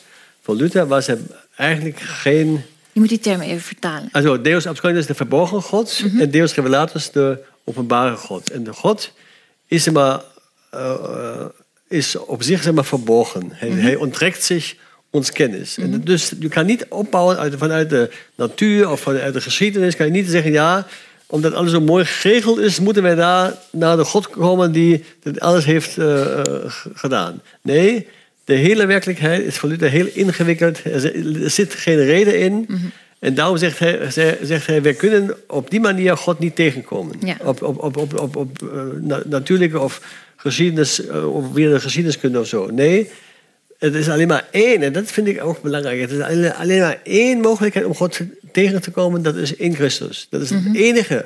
Mm -hmm. Ik zou ook niet zeggen in de Bijbel, ik zou zeggen in, de, in, in, Christus, dat is het levend woord van God. Mm -hmm. En alleen maar, dat is het enige wat je nog van God kan zien. Mhm. Alles andere is verborgen. En dat maakt het, dat maakt het vind ik, duidelijk, dat maakt duidelijk dat zeg maar, uh, wij eigenlijk ook, ook niet, niet meer met die idee kunnen uh, verder met dat, dat, dat wij zeggen, maar, gewoon een goddelijke orde in onze wereld zien. Huh? Maar in hoeverre heeft dat iets met het onbehagen te maken? Ja, dat is ook ons eigen onbehagen. Dat wij, zeg maar, ja, dat wij, dat wij het geen, geen doelen zijn, geen, geen doel van de geschiedenis. Geen, uh, wij zijn helemaal uh, onzeker ervan wat, wat, wat, wat, wat gebeuren zal. Wij zien, hebben geen idee waar het naartoe gaat of mm -hmm. hoe dat alles nog kan functioneren en zo. Ja. En daar zou ook voor ons God geen, uh, geen oplossing zijn. Ja. En dat was voor Luther al zo. Hij, is niet, hij, hij had al die pest achter de rug en zo. Dus die, die mensen wisten toen ook al niet hoe je dan nog aan een goede God kan geloven. Ja. ja. Oké, ik, ik heb nog één vraag voordat ik naar het publiek ga. Um, uh, in het meest recente boek van, van Ger Grote, De Geest uit de Fles, beschrijft hij de Reformatie als het beginpunt van de secularisering. Opeens werd de mens actief gestimuleerd om, uh, om een persoonlijke relatie te hebben met God, uh, om, om meer individueler te denken, waardoor de mens, zegt Ger Groot, steeds meer in het middelpunt kwam te staan en God steeds meer naar de achtergrond verdween. Als Luther nou eens eventjes voor een dag, nou ja, laten we zeggen voor een week, uit zijn graf kon opstaan en dit zou lezen, of dit zou zien ook, dan zou hij zich waarschijnlijk de haren uit zijn hoofd hebben getrokken. Of vergis ik me? Wat zou hij, wat als, hij, als die stelling is, oké, okay, jouw ja, hervorming van de kerk heeft geleid tot secularisering, hoe zou hij dat? Nou, ik denk dat hij daar uh, helemaal niet zo, misschien helemaal niet zo van op zou kijken. Omdat hij, omdat, ik heb dat in mijn verhalen proberen te zeggen, hij toch een heel duidelijke domeinen gaat onderscheiden. Uh, en, en, heel duidelijk ook, laten we zeggen, geconcentreerd op dat gebied van het geloofs, geloof, leven, theologie. En wat zich daar buiten afspeelt. Ja, dat is het domein van de staat, van de samenleving, van opvoeding. Maar dat, dat, dat is een seculier domein. En daar heeft Luther eigenlijk helemaal geen uh, problemen mee. Dus je zou kunnen zeggen, hè, als het gaat om dat thema van die secularisering, dat, dat denken in termen van twee rijken, Mhm. eh, waarbij je, eh, waarbij je de, de relatie met God hebt aan de ene kant Ja. en het, het deelnemen aan eh, het wereldse domein, dat, is gewoon onze dagelijkse, dat zijn onze dagelijkse beslommenissen. Ja. Eh, als je dat als een principe neemt, dan is, dan is secularisatie op zichzelf niet zo vreemd. Maar dan versta je onder secularisatie puur ontkerkeling. Nee, dan, dan versta ik daarover onder dat mensen zelf hun eigen samenlevingen kunnen inrichten. Min of meer naar eigen goeddunken. Mhm. Dat is natuurlijk niet helemaal, dat laatste is niet helemaal waar, want er is altijd nog wel Gods wil als een oriëntatiepunt. Ja. Maar in beginsel wordt die, wordt die samenleving toch aan, aan mensen overgelaten, inclusief de opvoeding van, van Ja. de kinderen. Hè? Daar is Aristoteles heel handig voor. Bent u het met hem? Bent, Ja, ik ben helemaal eens. Ja? Op, zich is met secularisatie ook niets mis mee voor Luther. Maar ik zou niet zo ver gaan, omdat het gewoon, dat je gewoon goed moet weten waarom het gaat. Of, of over redel- een redelijke orde, of over de verhouding met God, of jouw eigen ziel. Dat is één. Het andere is dat je eigenlijk ook moet, ehm, eh, dat ook uiteraard eh, ook die verhoudingen in, in, de, in de wereld of eh, in de kerk zijn altijd met, aan God verbonden. hè. Het is niet zo dat maar, helemaal, helemaal ook de schepping eh, eh, ehm, eh, eh, de, de scheppingsgedachte ver- verlaat. Voor hem is de schepping ook nog steeds. Je moet ook, je moet ook als godsdienstige mens ook naar de schepping op een godsdienstige manier kijken. Maar je, moet, je moet niet met die, met die vragen dan proberen de, de samenleving in te richten. Dat is, een, dat, is, dat is iets anders. Dat kan je op een redelijke manier doen. Dat, moet- dat, is, dat moet je doen zodat dat, dat orde en vrede heerst. Dat is, zijn de doelen van de wereldlijke orde. Ja. Maar dat neemt niet weg dat ook Luther nog steeds de schepping als een gaaf God zag. En dus? Ja, omdat het niet, het is niet gewoon alleen maar secularisatie. Het is, een, het is een strijding van de, van de ehm, gebieden. Of van de, eh, eh, en, maar toch blijft het allemaal inge, eh, ingebed in... in, in eh, of allemaal verzameld onder een, een drie-enige godsbegrip. En dat is dus schepping, verlossing en heiliging. Ja. Oké, dus ook al wordt de samenleving steeds seculierder, dat zegt, zou Luther zeggen dat is helemaal niet erg, want dat is ook. Het is redelijker, zou ik Ja. zeggen. Het is niet seculier, het is redelijker. Je kan Ja. gewoon met jouw reden, met Aristoteles, die dingen ordenen. Mhm. Je hoeft dan niet altijd, en dat mag eigenlijk niet, je mag eigenlijk niet altijd met de Bijbel komen en zeggen, de Bijbel zegt, je moet dat doen. Dan ben je weer onvrij. Oké. Oké. Ehm, ik heb helaas nu geen tijd meer voor vragen. Ik, sorry, ik heb er zelf nog wel een, maar jullie mogen met één woord antwoorden. Als Luther nu zou leven, en met de katholieke kerk zoals die nu is, zou hij dan nog steeds denken dat een hervorming, reformatie nodig was? Jullie mogen allebei met ja of nee antwoorden. Ja,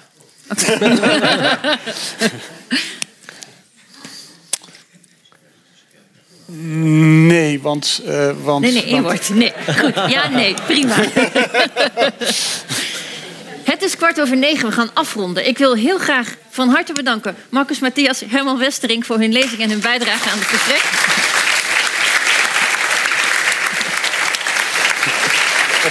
Op de laatste vraag moest ook iemand lezen.